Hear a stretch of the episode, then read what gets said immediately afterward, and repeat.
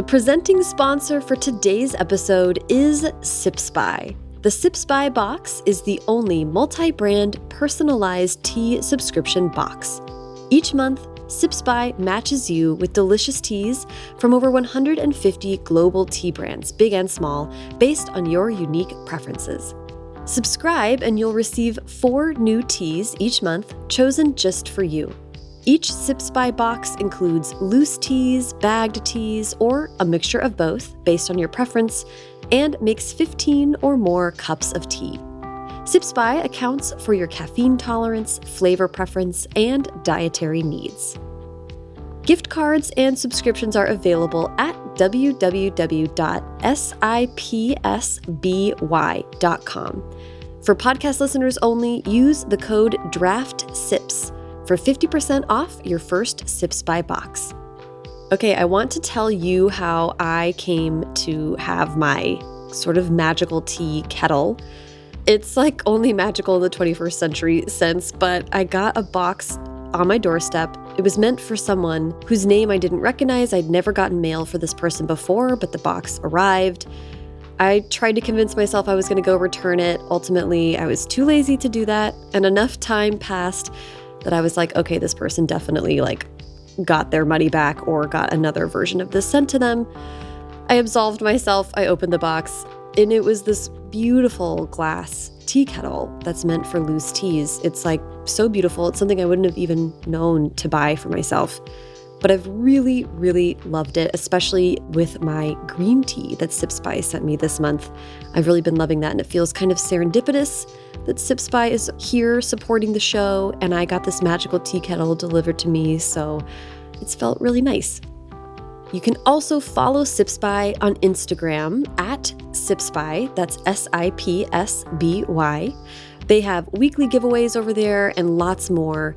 And don't forget, for podcast listeners only, use the code DRAFTSIPS for 50% off your first Sips By box at sipsby.com.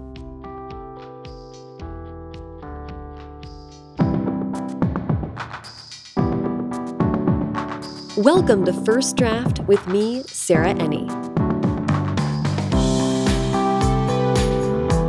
This week I'm talking to Oliver Jeffers, visual artist, climate activist, and author and or illustrator of several New York Times best-selling picture books, including The Day the Crayons Quit, How to Catch a Star, The Fate of Fausto, and Here We Are.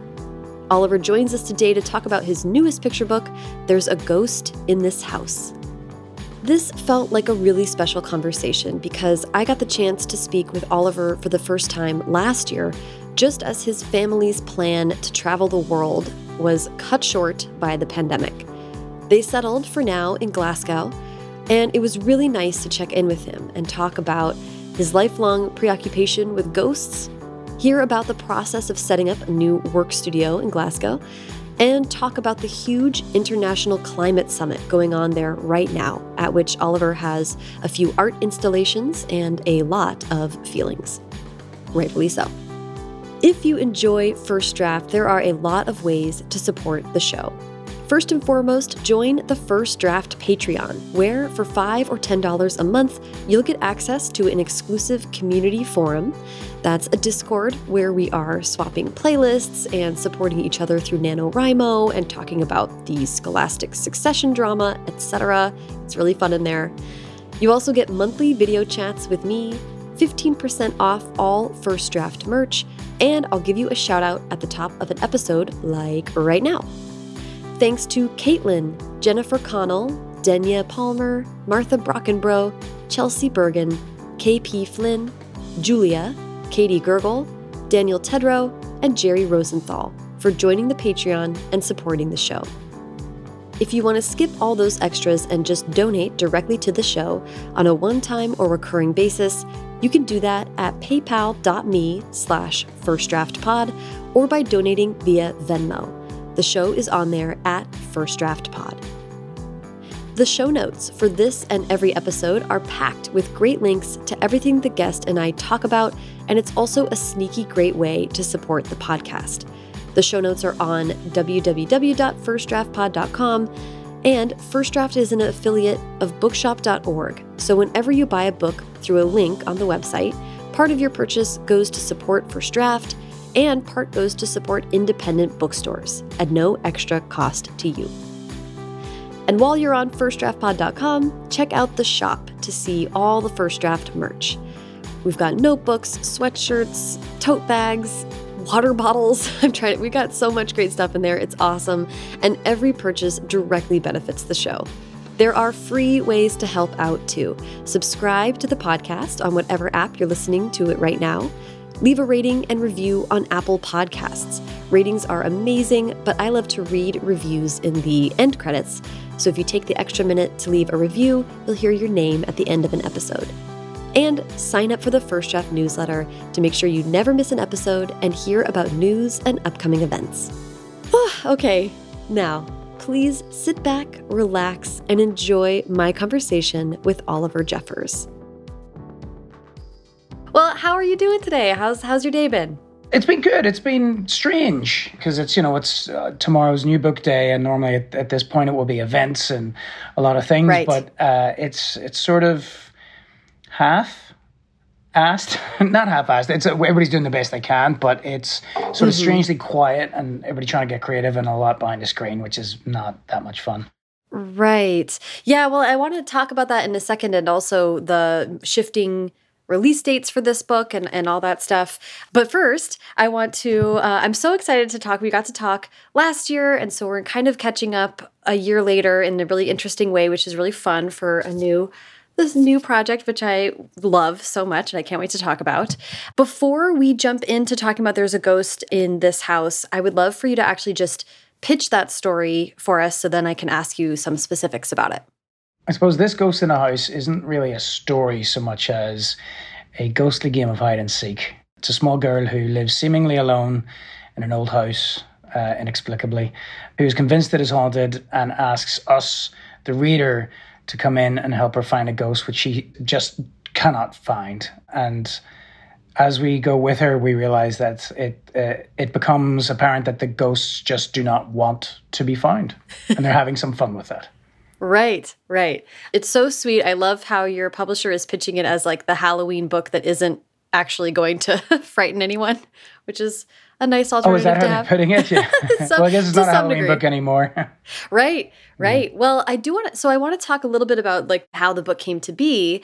When did you start to work on this book? Probably about five years ago. Oh, okay. It's been in the, the bottom drawer and then the second bottom drawer, and it kept getting moved up as I was like creatively solving problems. And I was hoping that I could get it done before we went on book tour. And I, I, because I was like, oh, the art's going to be super simple. It's like I'm just painting on these old photographs. It's mostly done, which turned out not to be true because that it was actually one of the most complicated books I had to make. So I put it, it, you know, at that point the book was mostly resolved, and that was two years ago, so pre-pandemic. Mm-hmm. Uh, and then I've been working on it through the through the pandemic. It struck me that this would have been an interesting book to work on in the pandemic in a person yeah. alone in a house with ghosts. It just felt exactly. sort of yeah. felt kind of evocative. Yeah, it's all indoors. Yeah, it's all you know, c- coming to terms with what we have inside these constraints in which we find ourselves. Right. So that's so interesting that this story has been around for a while. This concept, this idea, and I want to hear about how the actual format itself, how you came to think of the vellum, and it's also a it's a pretty big book. It's tall. We actually reduced the size of it because um, I wanted to be really big and really tall. Like you know, the old creepy houses. The creepiest place of an old creepy house is, is definitely the rafters. And uh, we've moved into a house in Northern Ireland now, and there's three floors. And the third floor, we never go up there because it's it's a few extra spare bedrooms. So the lights are never on, and our children have taken to calling it the darkness. Oh. Um, so it's I, I definitely wanted the book to be to be tall and slim, but the the format itself, I don't know at what point that came into it there's a couple of things about this book that have been around for a long time, and it was just clicking them in together with each other that made the most sense. I've, uh, for those who haven't seen the book, all of the rooms are old photographs of rooms from like architectural reference books or furniture catalogs that I've pieced together for this this tour of this uh, this mis- this make believe home. But I've uh, often worked on existing images as the background for some action, some narrative that's happening. That's nothing new for me. So that was one element. Another thing that it's uh, I've, I've done for a long time, and just almost as a as a doodle, as a game, as a distraction, is it's really fun to paint those exceedingly simple ghosts into old photographs of rooms because you know just their the just stark simplicity of them kind of contrasts beautifully against like the opulent detail and but then i realized that if you paint it on a sheet of vellum you can move it around the room and have a little bit of fun with that. The vellum itself sort of came into existence when i was making the art for the fate of fausto. That was made entirely on a 200 year old lithography press in paris. And because i was making a lot of the art from afar they were saying look the easiest thing to do for is photosynthesize these plates onto metal rather than use the old stone, just in the interest of time, because it's a 96 page book, four colors each. That's just an impossible calculation for our calendar.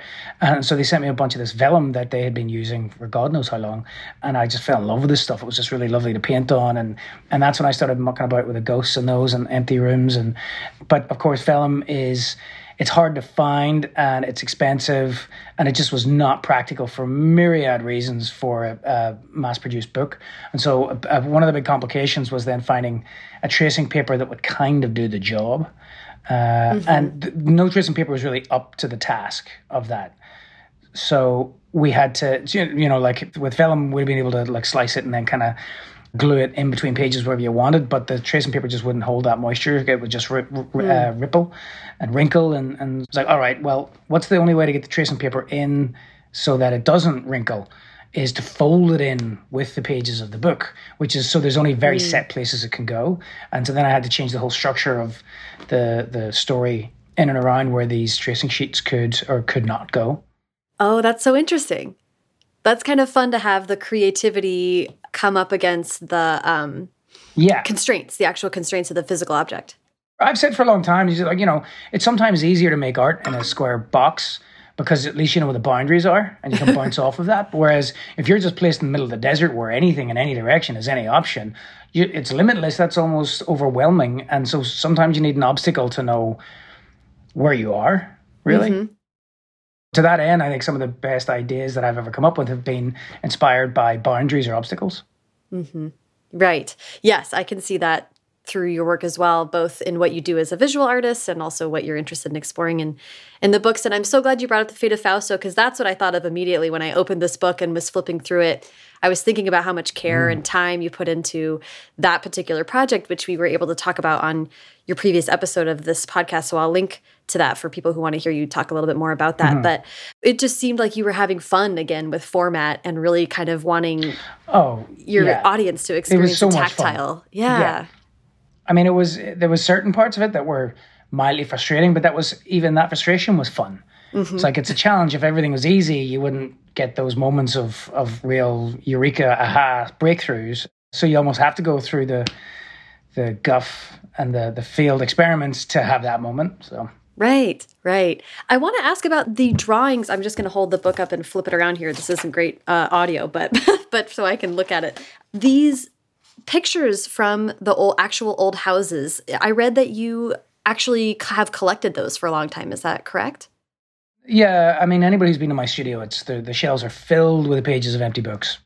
You know, a lot of old encyclopedias, a lot of old travel books. You just never know when you're going to need an old image of something. And, and uh, for most of it is anything that's printed in color 1950s, 1960s is, is the real good stuff. Because they just, you know, that they don't print things like that anymore. And it just lends itself to just such interesting visuals. So uh, I would collect stuff all the time, not, and, you know, not necessarily knowing what I'm going to use it for, but just one day that will come in very handy.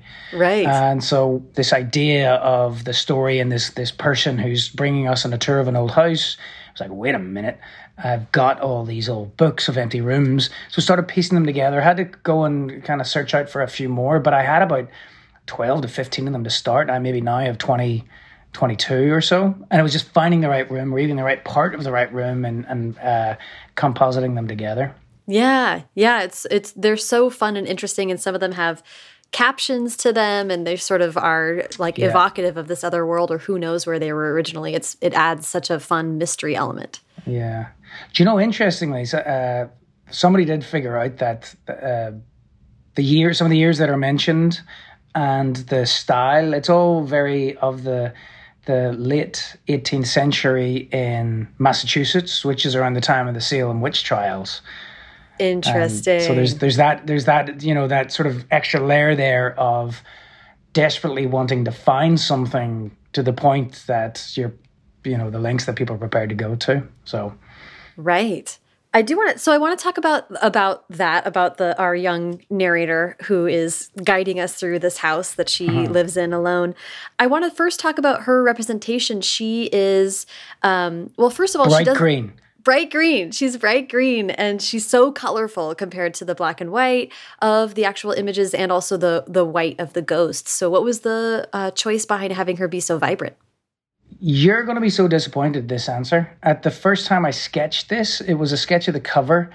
And I was just, you know, I was drawing this old house because uh, for a period, my sister in law was spending a lot of time in Providence, Rhode Island, because she was getting spinal surgeries, and that was the best place in the country for that. And so she ended up there. We were visiting her a lot, and I was just totally taken with all these, you know, the, the period houses uh, there, and was making some sketches. And that was one filter that came in with you know, reminding me of childhood of like looking at these old creepy houses and just imagining ghosts wandering and like almost looking up and like how hilarious would it be to just place a ghost in that window, see if anybody noticed. Uh, so I was doing this drawing and I was playing with the vellum and uh, so and you know keeping everything in a very very super light kind of you know white writing on an almost light light gray background. Like what are the what are the limits that you can push that to? And then I just thought it would be fun if there was an actual person in here and this is even really like I, I'm writing this story in a different way and doing this art experiment. And then they weren't actually together at the start, but it's like, what's the brightest color I could think of at that moment was like this turquoise and fluorescent yellow combination. And it just worked. And then I never questioned it again. yeah. I mean, I think that's a great answer. And I, I love that it creates, you have the original images background, you have her, this sort of modern person with us that we she's showing us around we're connecting uh-huh. with her and then you have the third layer which is the vellum ghosts who can and can't uh-huh. could be there or not be there based on the reader's choice i guess um, absolutely yeah yeah yeah so it seems like just to kind of bring it back to talking about working on this in a pandemic or after we all have just been in various degrees of quarantine that's sort of what it made me think of it was there was the history of the place around us, us there in the modern moment trying to make sense of things, and then this this reality that comes and goes or or way that you can play with. Yeah. I don't know, it just felt like there yeah. was a lot to These it. layers of yeah, like these layers of time and and uh, you know, we all live inside our own heads. So we live more inside our own heads than we live in the real world. Yeah. The reality around us is this construct and I and that's what made me think of it uh-huh. with with your engagement with your young readers having this vellum and they can move the ghost around and you can kind of have it be all kinds of different ways. I mean, it so feels like so um, ripe for interaction. Well, it, it really is. And it's such a tactile book that uh, because of the holdups and everything, people were asking for PDFs of it. And I was very hesitant, not because I wanted to keep it a secret. I was like, it just doesn't do it justice. This is mm. designed as a physical object of a book. Mm-hmm. And it will not do it justice by showing you the screen because you lose the subtlety of it. Um, mm-hmm. And so even you know, the, when the ghost first appears, actually, the first two times the ghost appears, it's so subtle, almost everybody hasn't noticed it. And it's only the third time that you notice and then you're like wait was that there all along? And you go back and then you're like oh it was. Mm. and so you're you're you're you're playing with this this idea and, and something that I didn't even think about when I was making it but when I show it to my kids and, and their cousins uh, at a certain point was they started trying to guess before they wouldn't let me turn the page. They were like trying to guess what the ghost was going to be. Oh that's cool. That's really cool and I was thinking that if, if, I think myself as a young person, I probably would have just grabbed crayons and started drawing ghosts on top of the, wherever I wanted them to be too to add, which seems like it would be a fun way to. I'd be disappointed engage. if people don't do that. I love it. So speaking of our our narrator, our fluorescent, uh, brave young woman who so desperately wants to find these ghosts, what was the uh, uh-huh. decision behind not having her have a name. You mentioned on Instagram that this has become kind of a trend in your work. It has, and it's because it was written in first person, the book, so she didn't need a name in terms of the script, and it was, and where that came from, I don't quite know, but it's, uh, you know, and there's a lot of subtle things that have all passed through my head, and, and I'm almost hesitant to speak because I don't want to give anybody a, a one certain way or another, but some questions might come up as like, is she the manifestation of the house itself? Mm. Or is she possibly a ghost? Or mm. is she just really bad at looking for things? uh, and, and, it's, you know, any, any, and all of these could be, could be possible. There are a few, very few subtle clues at the very, very end, but I think they're almost so subtle that the majority of people aren't going to get them. Which is fun. And well, the few people who do, it is fun. yeah. But I was like, you know, just having the ghost be that, like, you know, the classic white sheet as well. That that was really a lot of fun to do visually, and that got me thinking. I was like, where did that come from? Who was the, who, who was the first person that put a sheet over right something and, and called it a ghost? And and I think there's two sort of theories that I can think of, and one comes from photography, where light leaks into the lens would sort of show a white flash. And sometimes that might happen over like a double exposure and it might look, people will be able to personify it and like, what is this, you know, apparition that is there? And, and so I, I, partly that, but then I also think, you know, the way when you would, uh, uh, an old house would be abandoned, you'd leave a bunch of stuff there, you would cover it with white sheets. Mm-hmm. And so, say you would go up into the attic and there would be like an old mirror with that curved top and there'd be a white sheet over it. That, that probably gave multiple people heart attacks over the generations. I'm sure. Well, it also strikes me. I mean, I'm interested in what you thought about. You're you're an enormously talented illustrator and visual artist, and and yet something so satisfying about this very simple. Oh yeah, image that the evokes so better. much. and it's you know you can there's no bells or whistles so you can see how it's done. So anybody, whatever age, they can just be like, "That's a bit of white paint and two black dots on." a, on, a, on an old image, and anybody could do it. So yes, I, I am all about encouraging just the simplicity of art. You don't need to overthink things. Right. You know, I've often and I've probably even talked about this before. Is like there's there's a sense of urgency and spontaneity to the first sketch that seems to be lost sometimes when you try to go to tighter, more finished work that you can't figure out why the one you spent hours on doesn't look as good as the one you spent seconds on. Right. And it's because right. that there's that urgency and and uh, yeah the the immediacy of it and so I, I was having a lot of fun with that. And I think kids have that in abundance. Yes, absolutely her searching for the ghosts and not finding them, you had, I wrote it down here, you had a great quote about that. There's something intriguing about the notion that sometimes you can want for something too much to ever be able to find it. That's yeah. such a quietly profound way of sort of seeing this young yeah. girl's like, oh, she wants it so bad that she can't see sort of what's right in front of her face. Right. She's so determined. She's she's lost sight of the the ebbs and flows and subtleties and rhythms. And you know, I think that that is an analogy for for a lot of us in life. Is that yes, I'm going to be relaxed right now. I'm determined, and which defeats the entire purpose. And there's you know the the want and the desire often get in the way of just the being and the the being is often what is most receptive to whatever it is that you're actually searching for right because if you if you set out with a certain idea of this is what i'm going to find you're you're closed to all other options. Right. And what came to mind for me too was the idea of like acceptance. That's like one of these stages of of grief or stages of maturity or uh, uh, you know in your emotional life yeah. when you sort of recognize completely completely. And, yeah. and and it's that aspect that sort of pairs back in with that you know the Salem witch trial thing which is that determinedness to find something and then the lengths at which you're prepared to go to actually justify your own actions right which again feels like this as a this as a book that has is coming out at the end of a very difficult five year stretch for the world, which yeah. you talk about a lot in your work. Yeah.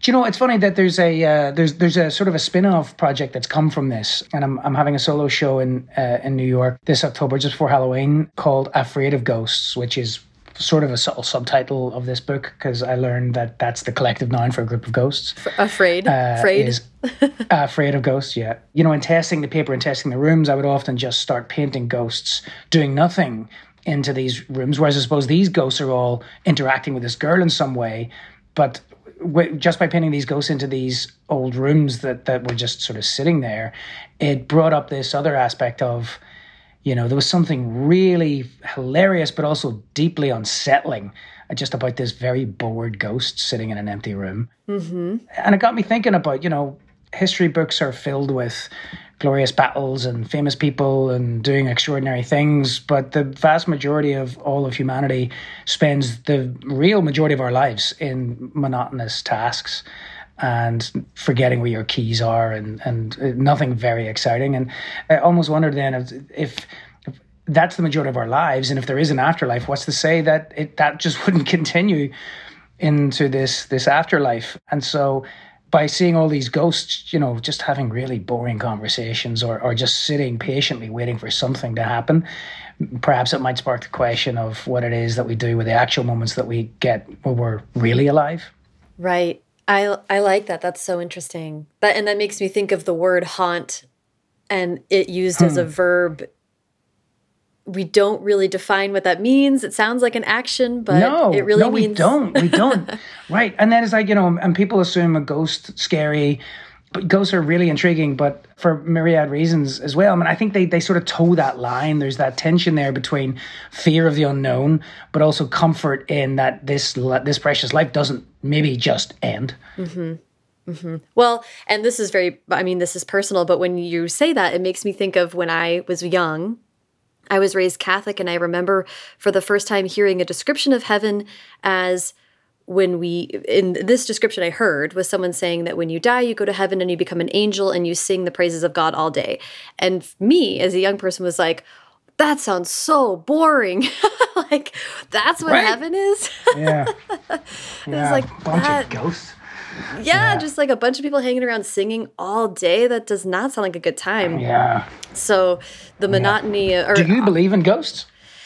I think I do. Yes, I think I believe in stuff that we don't know, and I think that I think being haunted is absolutely real, and whatever it is that's go- that's creating the hauntedness. Yeah. I don't know, but yeah. I do think that people can be haunted. That's a creepier way of thinking about it, I guess. But yeah, yeah. Well, I want to ask mm. about. I'm glad you brought up the solo show. I would love to ask about that because it is so intertwined with this book and your work in this book. Can you talk about what that show is going to be about? Yeah, so that, that well, that show is going to be physical recreations of some of these rooms. I'm gonna I'm, I'm, making a giant cardboard house that's like the house at the front, cool. and a lot of it is just playing with you know placing these ghosts. And and one of the the, the most fun parts about it is the vast majority of the ghosts. They're sort of painted on vellum sometimes. There's like a range of different ways depending on the translucency. Some of them are going to be interactive, but uh, most of them are painted with glow in the dark pigment. Mm. So w- when the when the lights go low for a certain period, they'll they'll really ping out. But it is these scenes that didn't make it into the book that are just these beautiful rooms. It might be a kitchen table with two ghosts having a conversation, and mm-hmm. uh, or it might just be a, a ghost sort of very precariously descending a staircase or walking through a street with a suitcase or mm. uh, one of the more funny but also sort of uh, really sad ones is uh, a ghost standing over a grave with a flower, uh, dead flower, and on the grave it just says two things, both of which are crossed out: live, done; die, done. Mm. Pretty pretty thorough checklist right there. Mm-hmm. Um, so you just go in and you're just confronted with this fraid of ghosts, this right. uh, this massive group of ghosts, and the initial creepiness gives away to humor, and then the humor kind of gives away to this just this poignancy, this mm. this sort of macabre ultimate sadness that, mm-hmm. that is at its heart as we question what's the what's the difference between now and and then and mm-hmm. a lot of it is going to be physical installation um, and a lot of it i think there's a, something like 140 actual little works of just these ghosts and taking these old photographs and placing vellum over them and drawing eyes and so they're playing with the translucency so uh, it'll be it's certainly a, a fun thought-provoking experience i hope yeah and so in I think there's there's some manual interaction to it as well, right? With I mean there's yeah, there's going to be five pieces. Of course, the gallery is super nervous about people getting up and twiddling these, but there's uh, two portraits with eyes that are going to follow you. Uh, awesome. One of which will be done digitally, and the other one will be like an etch a sketch where you can control where the eyes go. Uh, and then some of the other ghosts with it, like a little lever or pulley, you can have it walk through an empty room or, or cross a, the threshold of a doorway. Mm. Um, That's so cool, and it made it it made me think of of your audience with the picture book this so you have this exhibit going on and then you also have this thing that people can bring into their own homes and and mess with and and have interactive experiences with. And just just to kind of bring back up the girl wanting to see the ghost so bad, it made me think of how little kids watching a show or something and the main character is like, I want to see this or I can't find this and you know the kid can see it in the corner. Mm-hmm. and you hardly ever see someone be as impassioned as those kids when they're like it's right over there. Like you the spoon right, is on yeah. the counter i mean it's yeah, it's so... classic pantomime. Yeah. Yeah do you get do you get do pantomimes? Uh, i can't remember it but it was something from childhood you know it's behind you and they just get really really involved in it because why are these grown-ups being so dumb? It's right there.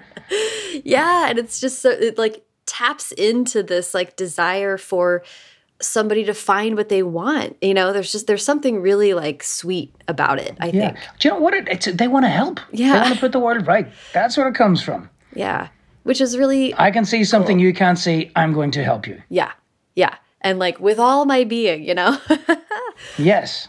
Yeah. So that's what what it made me think of was this all this interactivity is such a great avenue for a release that we don't always get in real life, I think. Mm-hmm. And to interact mm-hmm. with and have release with these emblems of the unknown or things that we don't really understand, it just feels like it's a really good time to mess with that. yeah, it's a good time to, to mess with a lot of things, I think. Yeah. Yeah. Yeah. I want to talk about preoccupation because also in talking about this book and the show and ghosts, it seems like for a long time you've had ghosts on the brain or a lot of thoughts surrounding them. Yes, I well, I think I've always been fascinated by ghosts. And, and you know it is that idea of like the fear but also you know you want to look from behind big fingers and, and creepy old houses and it's partly that partly just the sheer aesthetic pleasure of popping a ghost into you know, almost ruining uh, an old photograph, but actually totally making it. Um, so yeah, they've been on my mind, but also, you know, like the the portrait series that I do about memory and identity and the living in the moment of right now versus, you know, here we are sandwiched between everything that has ever happened and everything that is about to happen mm-hmm. constantly. Mm-hmm. So it's just these layers of time and these layers of projection. And yeah, I don't necessarily know where I'm going with any of it. I'm just sort of making notes and making art as I go.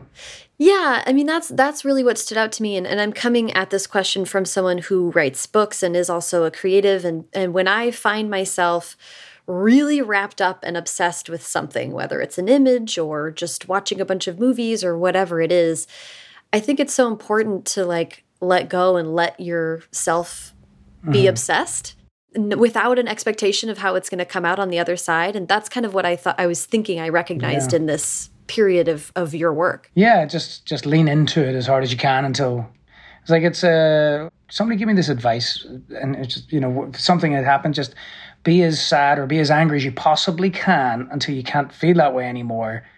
And then you've worked through it. Mm. As opposed to burying it and keeping it at bay, just just embrace it and relish it as, as much as you can until it actually bores you.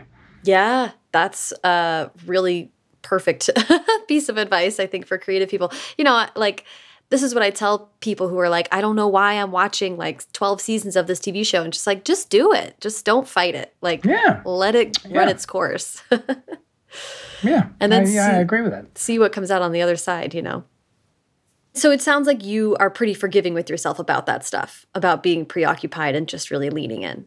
Yes, but because I've, I always have so much going on, I, I don't have the luxury of just experimentation time too much. Mm once I lock onto a project and, and there are actual dates involved, there's experimentation time within that. And I, I could get as you know fairly far down the road with something and the experimentation doesn't work and, and the plug gets pulled on that. But there's not nearly as much time in my life as I would like to just go down and like just play. And uh, that is something that, that had come back a little more with COVID and with uh, I ended up getting stuck back in Brooklyn for six weeks there mm. recently over the summer in my studio just because of travel complications. And I thought I was only going to be there for about two weeks. So I had all this extra time just in my studio and with nothing to do. And so mm. that was the first time I'd, I'd had experimental play in, in a very, very long time. And it felt really good. And it, I, you know, not that I thought of where would this take me, but some of the, the pieces of work, some of the techniques were just were were very very interesting to me.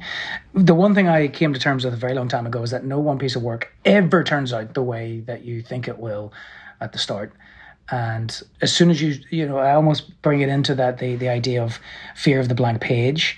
As soon as you make a mark on it, it's not blank. What you're doing then is reacting to what you see. Mm. And if you just follow that to its logical conclusion, you're constantly reacting to what you see. So how can you predict what that's going to turn out like? Right. And that that makes me think of what you just said about the those things being more like sort of filled with energy and more alive in a way, being yeah. reactive as opposed yeah. to having a grand plan and following For, it. Forcing regardless. everything into yeah, forcing everything into the box of how you want this thing to be, and closing off avenues that you may not even be open to. Yeah, yeah, I had I heard someone once describe that in the context of writing a book as having a Zen outline, which is an outline of a book that means nothing hmm. and doesn't need to be followed at all, but it's just there yeah. in case you need to fall yeah. back on something. Yeah. I think it was the the closest description of my process that I've heard to date. so that was nice. yeah, kid yourself, you know what you're doing, uh, but give yourself an out uh, about halfway through to realize that you're not doing what you thought you were doing at all. exactly. Exactly.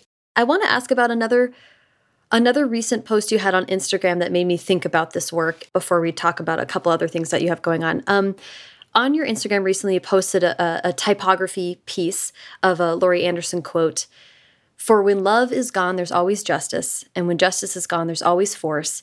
And when force is gone, there's always mom. And you wrote, as our mothers as men are often our first and last stories. And I got some thinking I need to do about that. First of all, that's just a beautiful poem or or uh, I don't stanza. But it, it made me think of I, I know that your mother passed away when you were young, and you're talking about all these ghosts and time and we've just had the year that we've had or the last three or four years that we've had i don't know i'm, I'm just mm. interested if to you those things are all together of course they are but it's uh, I, I, again i've been thinking a lot more about how and I'm doing a lot of work in the in the, the sort of the climate change scene at the minute, and and I I, I kind of think that everybody's going at it the wrong way.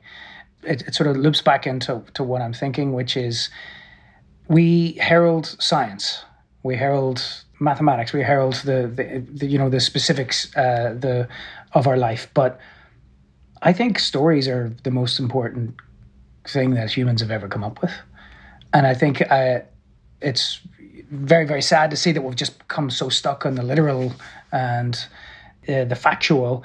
And what becomes increasingly obvious when you when you sort of pare it back and back is that the facts have been designed around the story we wanted to tell, mm.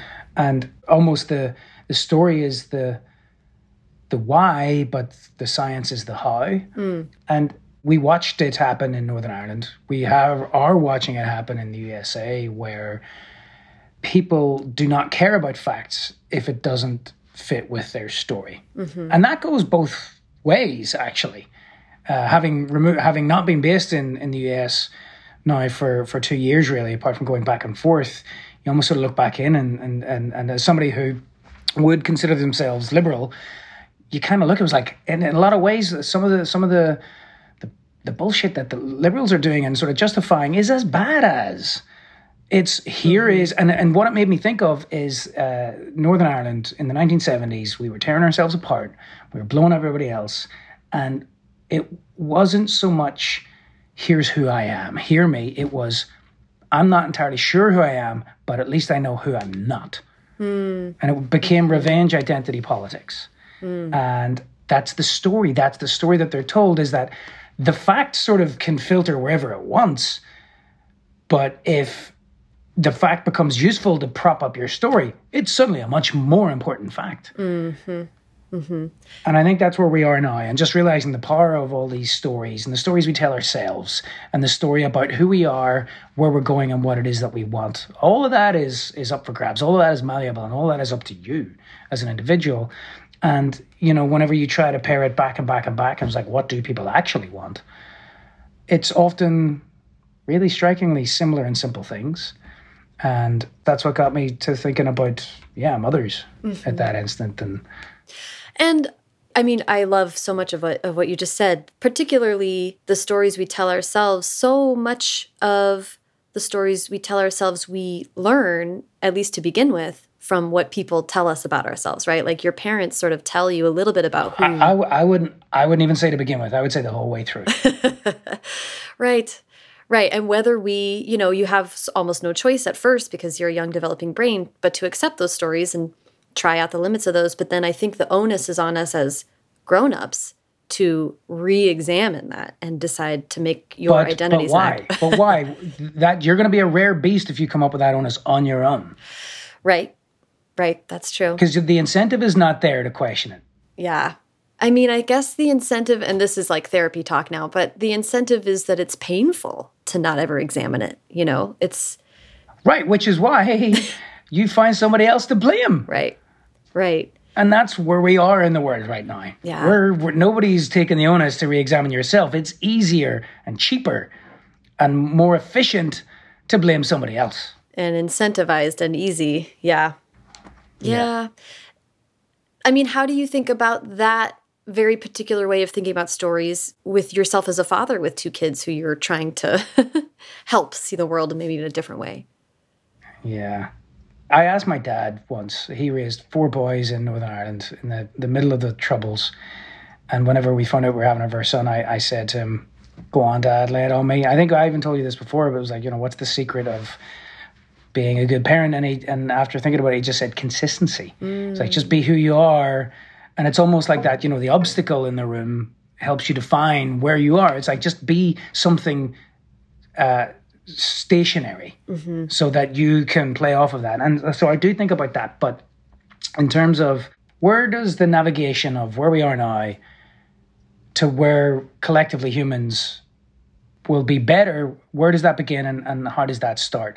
And one thing I've come to learn from re-examining Northern Irish politics, and one thing I've come to learn from from looking and being a part of American politics in the furore, and then looking at it from afar, is that you're never going to convince somebody they're wrong, mm. mm-hmm. ever. People will go to great lengths to prove that it all hasn't been a waste of time. Mm-hmm. The first person they'll kid is themselves. Mm. So if you're never going to convince somebody you're wrong, what is it that Trump actually did brilliantly? Was he give people a better story to get behind. Now, unfortunately, that better story was just it was still selfish and, and destructive, mm-hmm. but it was better for them because it was here's here's something we can can unite behind. And it's it's really got me thinking of you, you know, don't tell people that they're wrong. Just give them something better to believe in and get behind, something that includes them and and uh, gives them meaning and validation. Right. And there are ways to do that that don't involve blaming somebody else. Right. Right. Well, you and you brought it up, and I want to I want to ask about this. Leads me to the uh, the upcoming Climate Hub conference that you're speaking at. I think you're part of the New York Times Climate Hub. Do you want to just tell us what? Among other things. Yeah. What yeah, What's uh, that going to be like? Well, it's still all in uh, figuring out mode at the minute because they weren't sure whether it was going to be cancelled or, or uh, because of COVID and everything. So I'm going to have two installations there uh, actually three installations there. One in a in a sort of a fringe one, which uh, the the point of that we'll we'll speak to in a minute, and then two sculptures, one of which is a, a, sort of a simplified version of what was on the High Line, which is the back cover of the Here We Are book. So, an accurate scale model of the Earth and the Moon. And on the Earth floating in space beside the Earth, it says, All of the people live here. And on the Moon, it says, No one lives here. And the piece is called The Celestial Census Results. uh, and then the other one will be a continuation of the High Line one in a different direction where the Earth will be placed in this box and will rotate. And uh, as it rotates into its night, a, a, UV light will pick out that, in fact, for that little sliver that you can see it when it's in its night, that all the borders are there in UV paint. And instead of the country names written inside, it'll just say people live here over and over and over again. But the other one, the fringe one, is this mural that I'm going to put up, I'm going to paint, and then I'm going to change it after one day. And what I'm going to put up at the start is going to say, together we can stop climate change, right? I'm going to leave that for 24 hours. And I don't believe what we're facing is a climate problem. I think what we're facing is a people problem. And it's about people getting behind the right story and, and feeling belonged or, or feeling feeling that they have a sense of belonging and meaning and purpose and not feeling isolated and worthless and you know, if we pair this problem of isolation and suicide rates and depression versus how many how many people are going to be needed, the army of this planet is going to have to raise to combat this thing that is is coming for us all. There's two problems that have the same solution. So that wall uh, on day two, I'm going to cross out help, or we're going to cross out stop and write help, and instead of climate, I'm going to put people. Mm. Together, we can help people change. Mm. That's really a incredibly useful way to think about it because I have a couple friends that are working on projects about climate change and educating people about what's going on. And the, the thing that they face is the hopelessness and the overwhelming apathy. Yes. Because the greatest, the, the great, the people talk about what's the greatest threat to humanity. And they're like, is it climate? Is germs? Is it, is it, you know, fascism? Is whatever. The greatest problem that humanity faces is apathy. Mm-hmm. And apathy, I just want to be careful. Like when I think about it, particularly with reference to climate change, apathy can sometimes be selfish and, and self serving, but it can often be in the face of just overwhelming hopelessness. Yes, of course, of course. And that, but I'm, I'm not pointing out individuals who are just you know can be bothered doing anything. It's the collective whole of we're not given anything to rally around, and right. and you know certain right wing leaders show that if you put a pretty flagpole in the ground and and sound the bugle, people are ready for something to rally around. Yeah. Right. Right. And this I mean you're you're leading me perfectly to because that was what I was going to ask you was your participation in in the climate hub because I think it's around a climate an international conference about climate, right? So COP26 is uh, every 5 years the United Nations. The, the last one was the Paris Agreement. Right. And then this is the this is this one. And it's it's pretty important this time around. Yes. I mean it was important last time around but everybody fucking ignored it basically. Yeah. And this is this yeah. is the yeah the last uh, I guess this is the last halftime talk we get. Right. And my my question that I wrote down about it was, you know, the last time we talked, you talked a lot, a lot about how intuitively yourself as a young artist knew that packaging mattered and that that was an important way you know presenting your ideas in a way that would that people could understand and see. And that's what came to mind when i was seeing people like pretty things. People like pretty things. And people like um, and that's all right. Yeah exactly. And and that's what it seemed to me like sort of in line with exactly what you're saying. I'm like a, good story, you know, like marketing is important because it's communicating and storytelling and that's what i was like you know we're you, people like you and i are not scientists but we are storytellers and like what's our role in this existential moment right yeah i've been thinking about this a lot and trying to find a way to convey this where it makes sense to other people. It's you know the I suppose whenever with with the the, the rise of capitalism, which is was the you know a, a, great system compared to everything else, until it goes a a wire. But whenever it occurred to advertisers, companies that individuals would be better customers than when they were pitted against each other.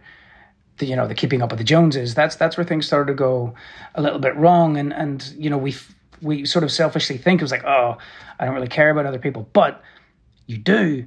And and I'm trying to think of a way to to to, to figure this out. And and I've come up with two, which is I think once you're over the age of like 10, the feeling inside you is better when you give the right object rather than when you have it. And whenever you hear a funny joke, what is the first thing you do after laughing? Is think, who can I tell it to? We like the idea of giving. We like the idea of belonging. We like the idea of community. We just keep getting told time and time again that you're on your own. And uh, at the very start of lockdown, actually, I met an an old lady, uh, and I think I told you about this as well, possibly last time. I'm trying to think of all the conversations we had a year ago.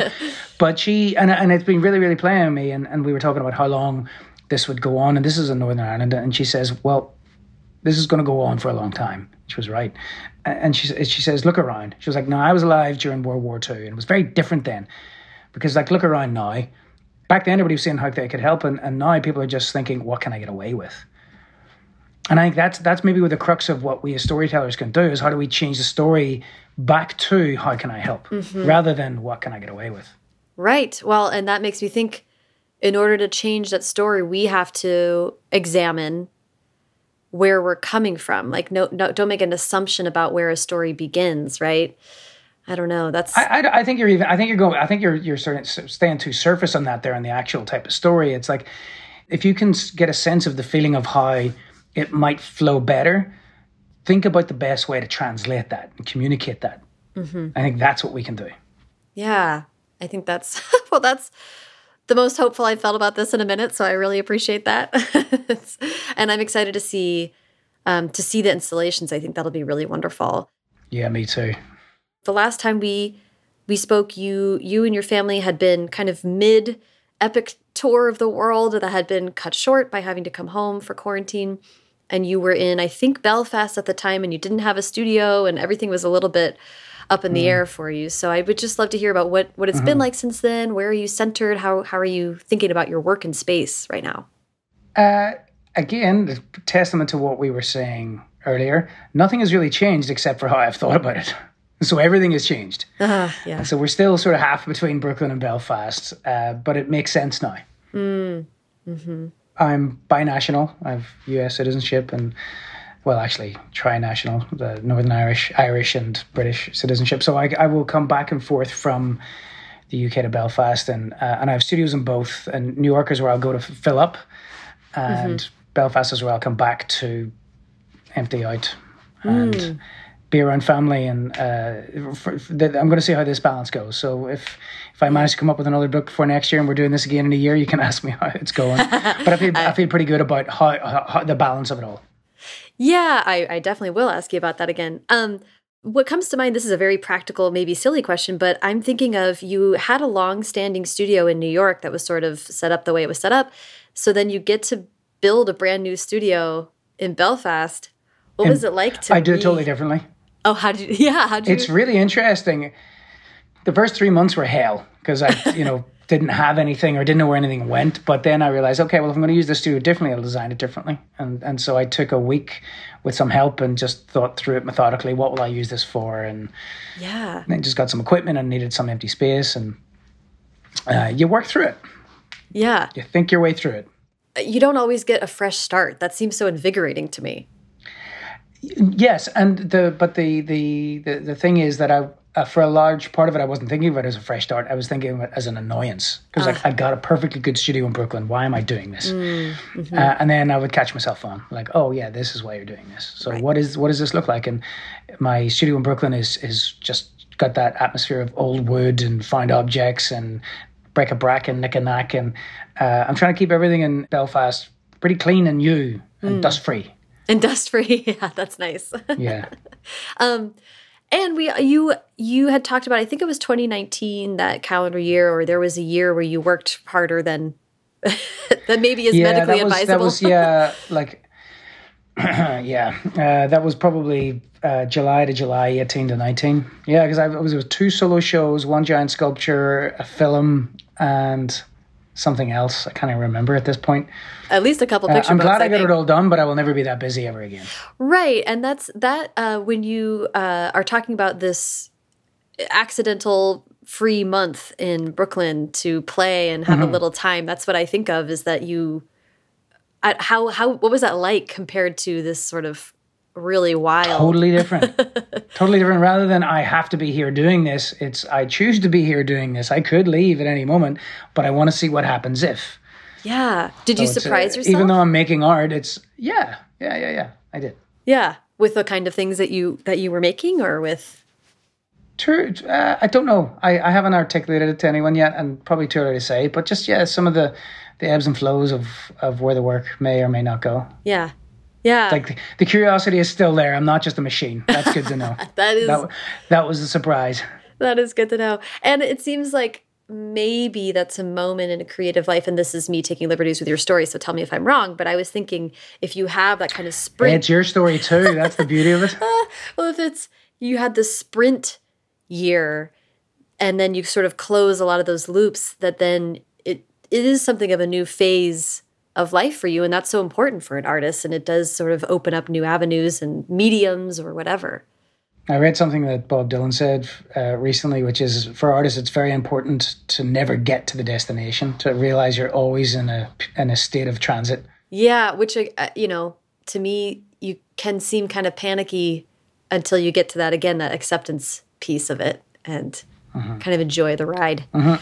Mm -hmm Ah. but that's why it's always strange when a book comes out because you're like, oh yeah, this is what I was thinking about five, six months ago. And I haven't thought about it. I've been working on other things. So it's not like you just get done and then you sort of sit back and wait for the the, the applause, the book sales and the, the reviews and the applause. Yeah. You, you just you just keep moving forward. Right, right. It's funny when when somebody comes to me, they are often like two or three things down the line to something else and they're having to recall or mm-hmm. pitch books that they wrote mm-hmm. three years ago, you know. Uh, but it's it's fun to kind of have a moment of communication with your former self. I do you know what you know what you should do? You should you should uh, hit somebody up and get them to do an interview with you that could, will be recorded later date the day they hand in a book. Uh, yeah, that would be cool. And then we talk again when when it comes out. Yeah. Yeah. That would be great. That's a good idea. I'm gonna I'm gonna squirrel that away. Your your mind is in a very di- your mind is in a very different place the day you hand in. Yeah. Yeah.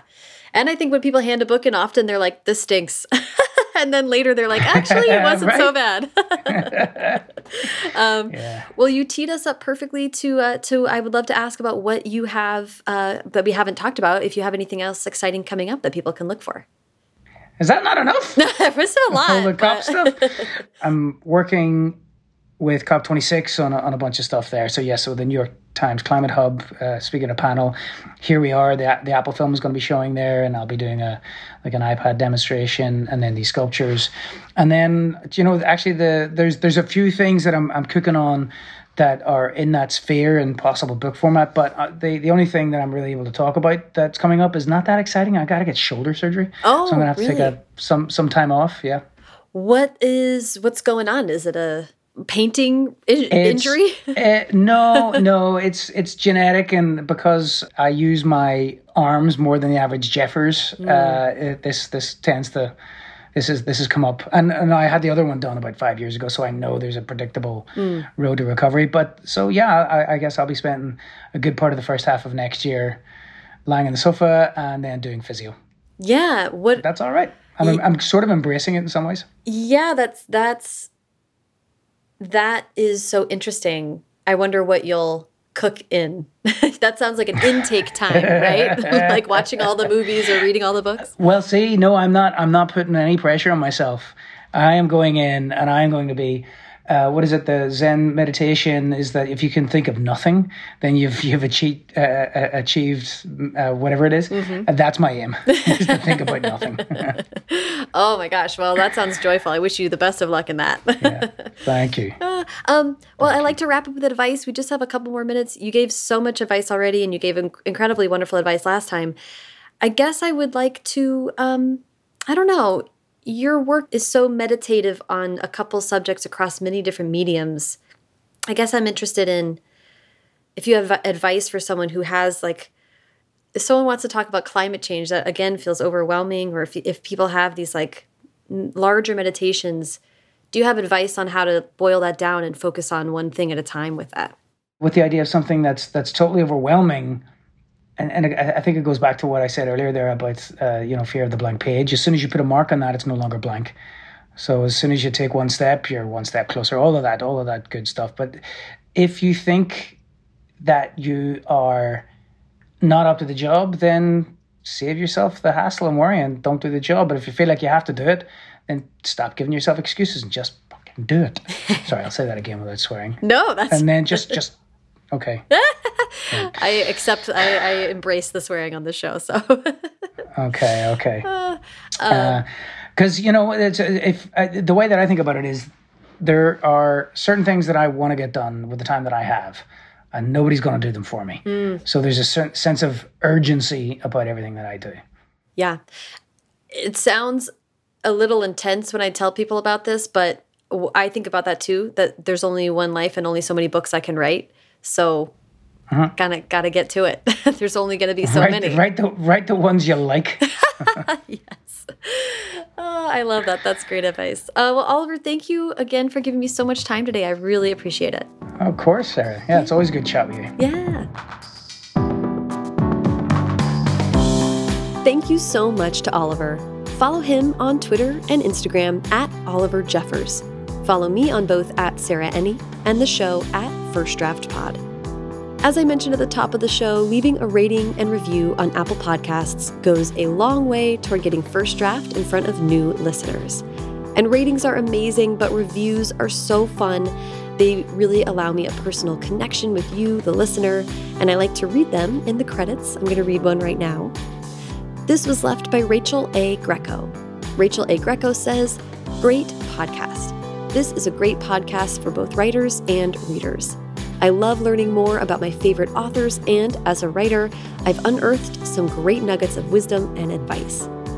Thank you so much, Rachel. It really is meaningful to me to know you connected both as a reader and writer. I love when people tell me they're just readers or librarians and, and that they just listen to, to learn more about people. That's awesome. And it means a lot that you took time out of your day to connect and leave that review. Thank you so much. First Draft is produced by me, Sarah Enni. Today's episode was produced and sound designed by Callie Wright. The theme music is by Dan Bailey, and the logo was designed by Colin Keith. Thanks to social media director Jennifer Nkosi and transcriptionist at large Julie Anderson.